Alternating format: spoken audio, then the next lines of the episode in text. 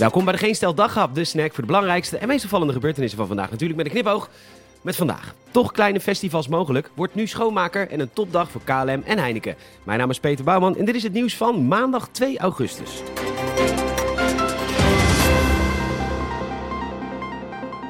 Festivals van één dag mogen vanaf 14 augustus weer met testen of prikken voor toegang buiten of in een open tent en met maximaal 750 bezoekers. Tijdens de persconferentie vandaag wilde Rutte geen antwoord geven op de vraag waarom zoveel Nederlanders Nederland een kutland vinden. Die hashtag was lang trending op Twitter. Maar goed, het was ook best een kutvraag.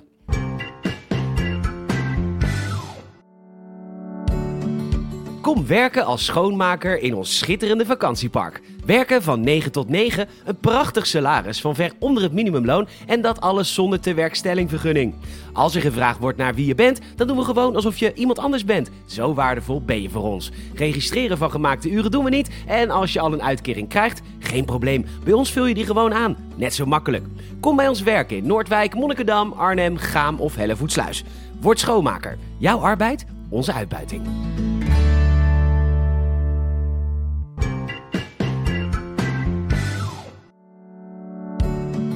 We waren de stad bijna vergeten. De parel van China, de hoofdstad van de provincie Hubei, met een prachtig onderzoekslab voor verschillende virussen. Wuhan, de geboorteplek van corona. Maar corona was daar maanden niet meer van de partij. Tot nu toe dan, want eindelijk heeft het virus de nostalgie te pakken en brengt het weer een bezoek aan de thuishaven. Wuhan, waar je lekker hoestend en proestend de straat over kan, genietend van een heerlijk stukje vleermuizenvleugel of witte vinvisvinnensoep. Wuhan, er is geen betere plek om corona op te lopen.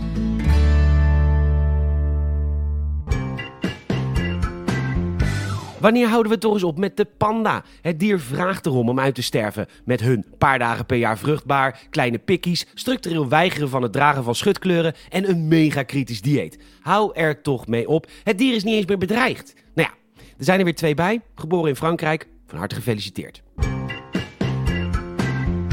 Het was een heerlijke dag voor zowel KLM als Heineken. Volgens de T beleefde de KLM een prachtige dag op de beurs met een koerssprong van 6%.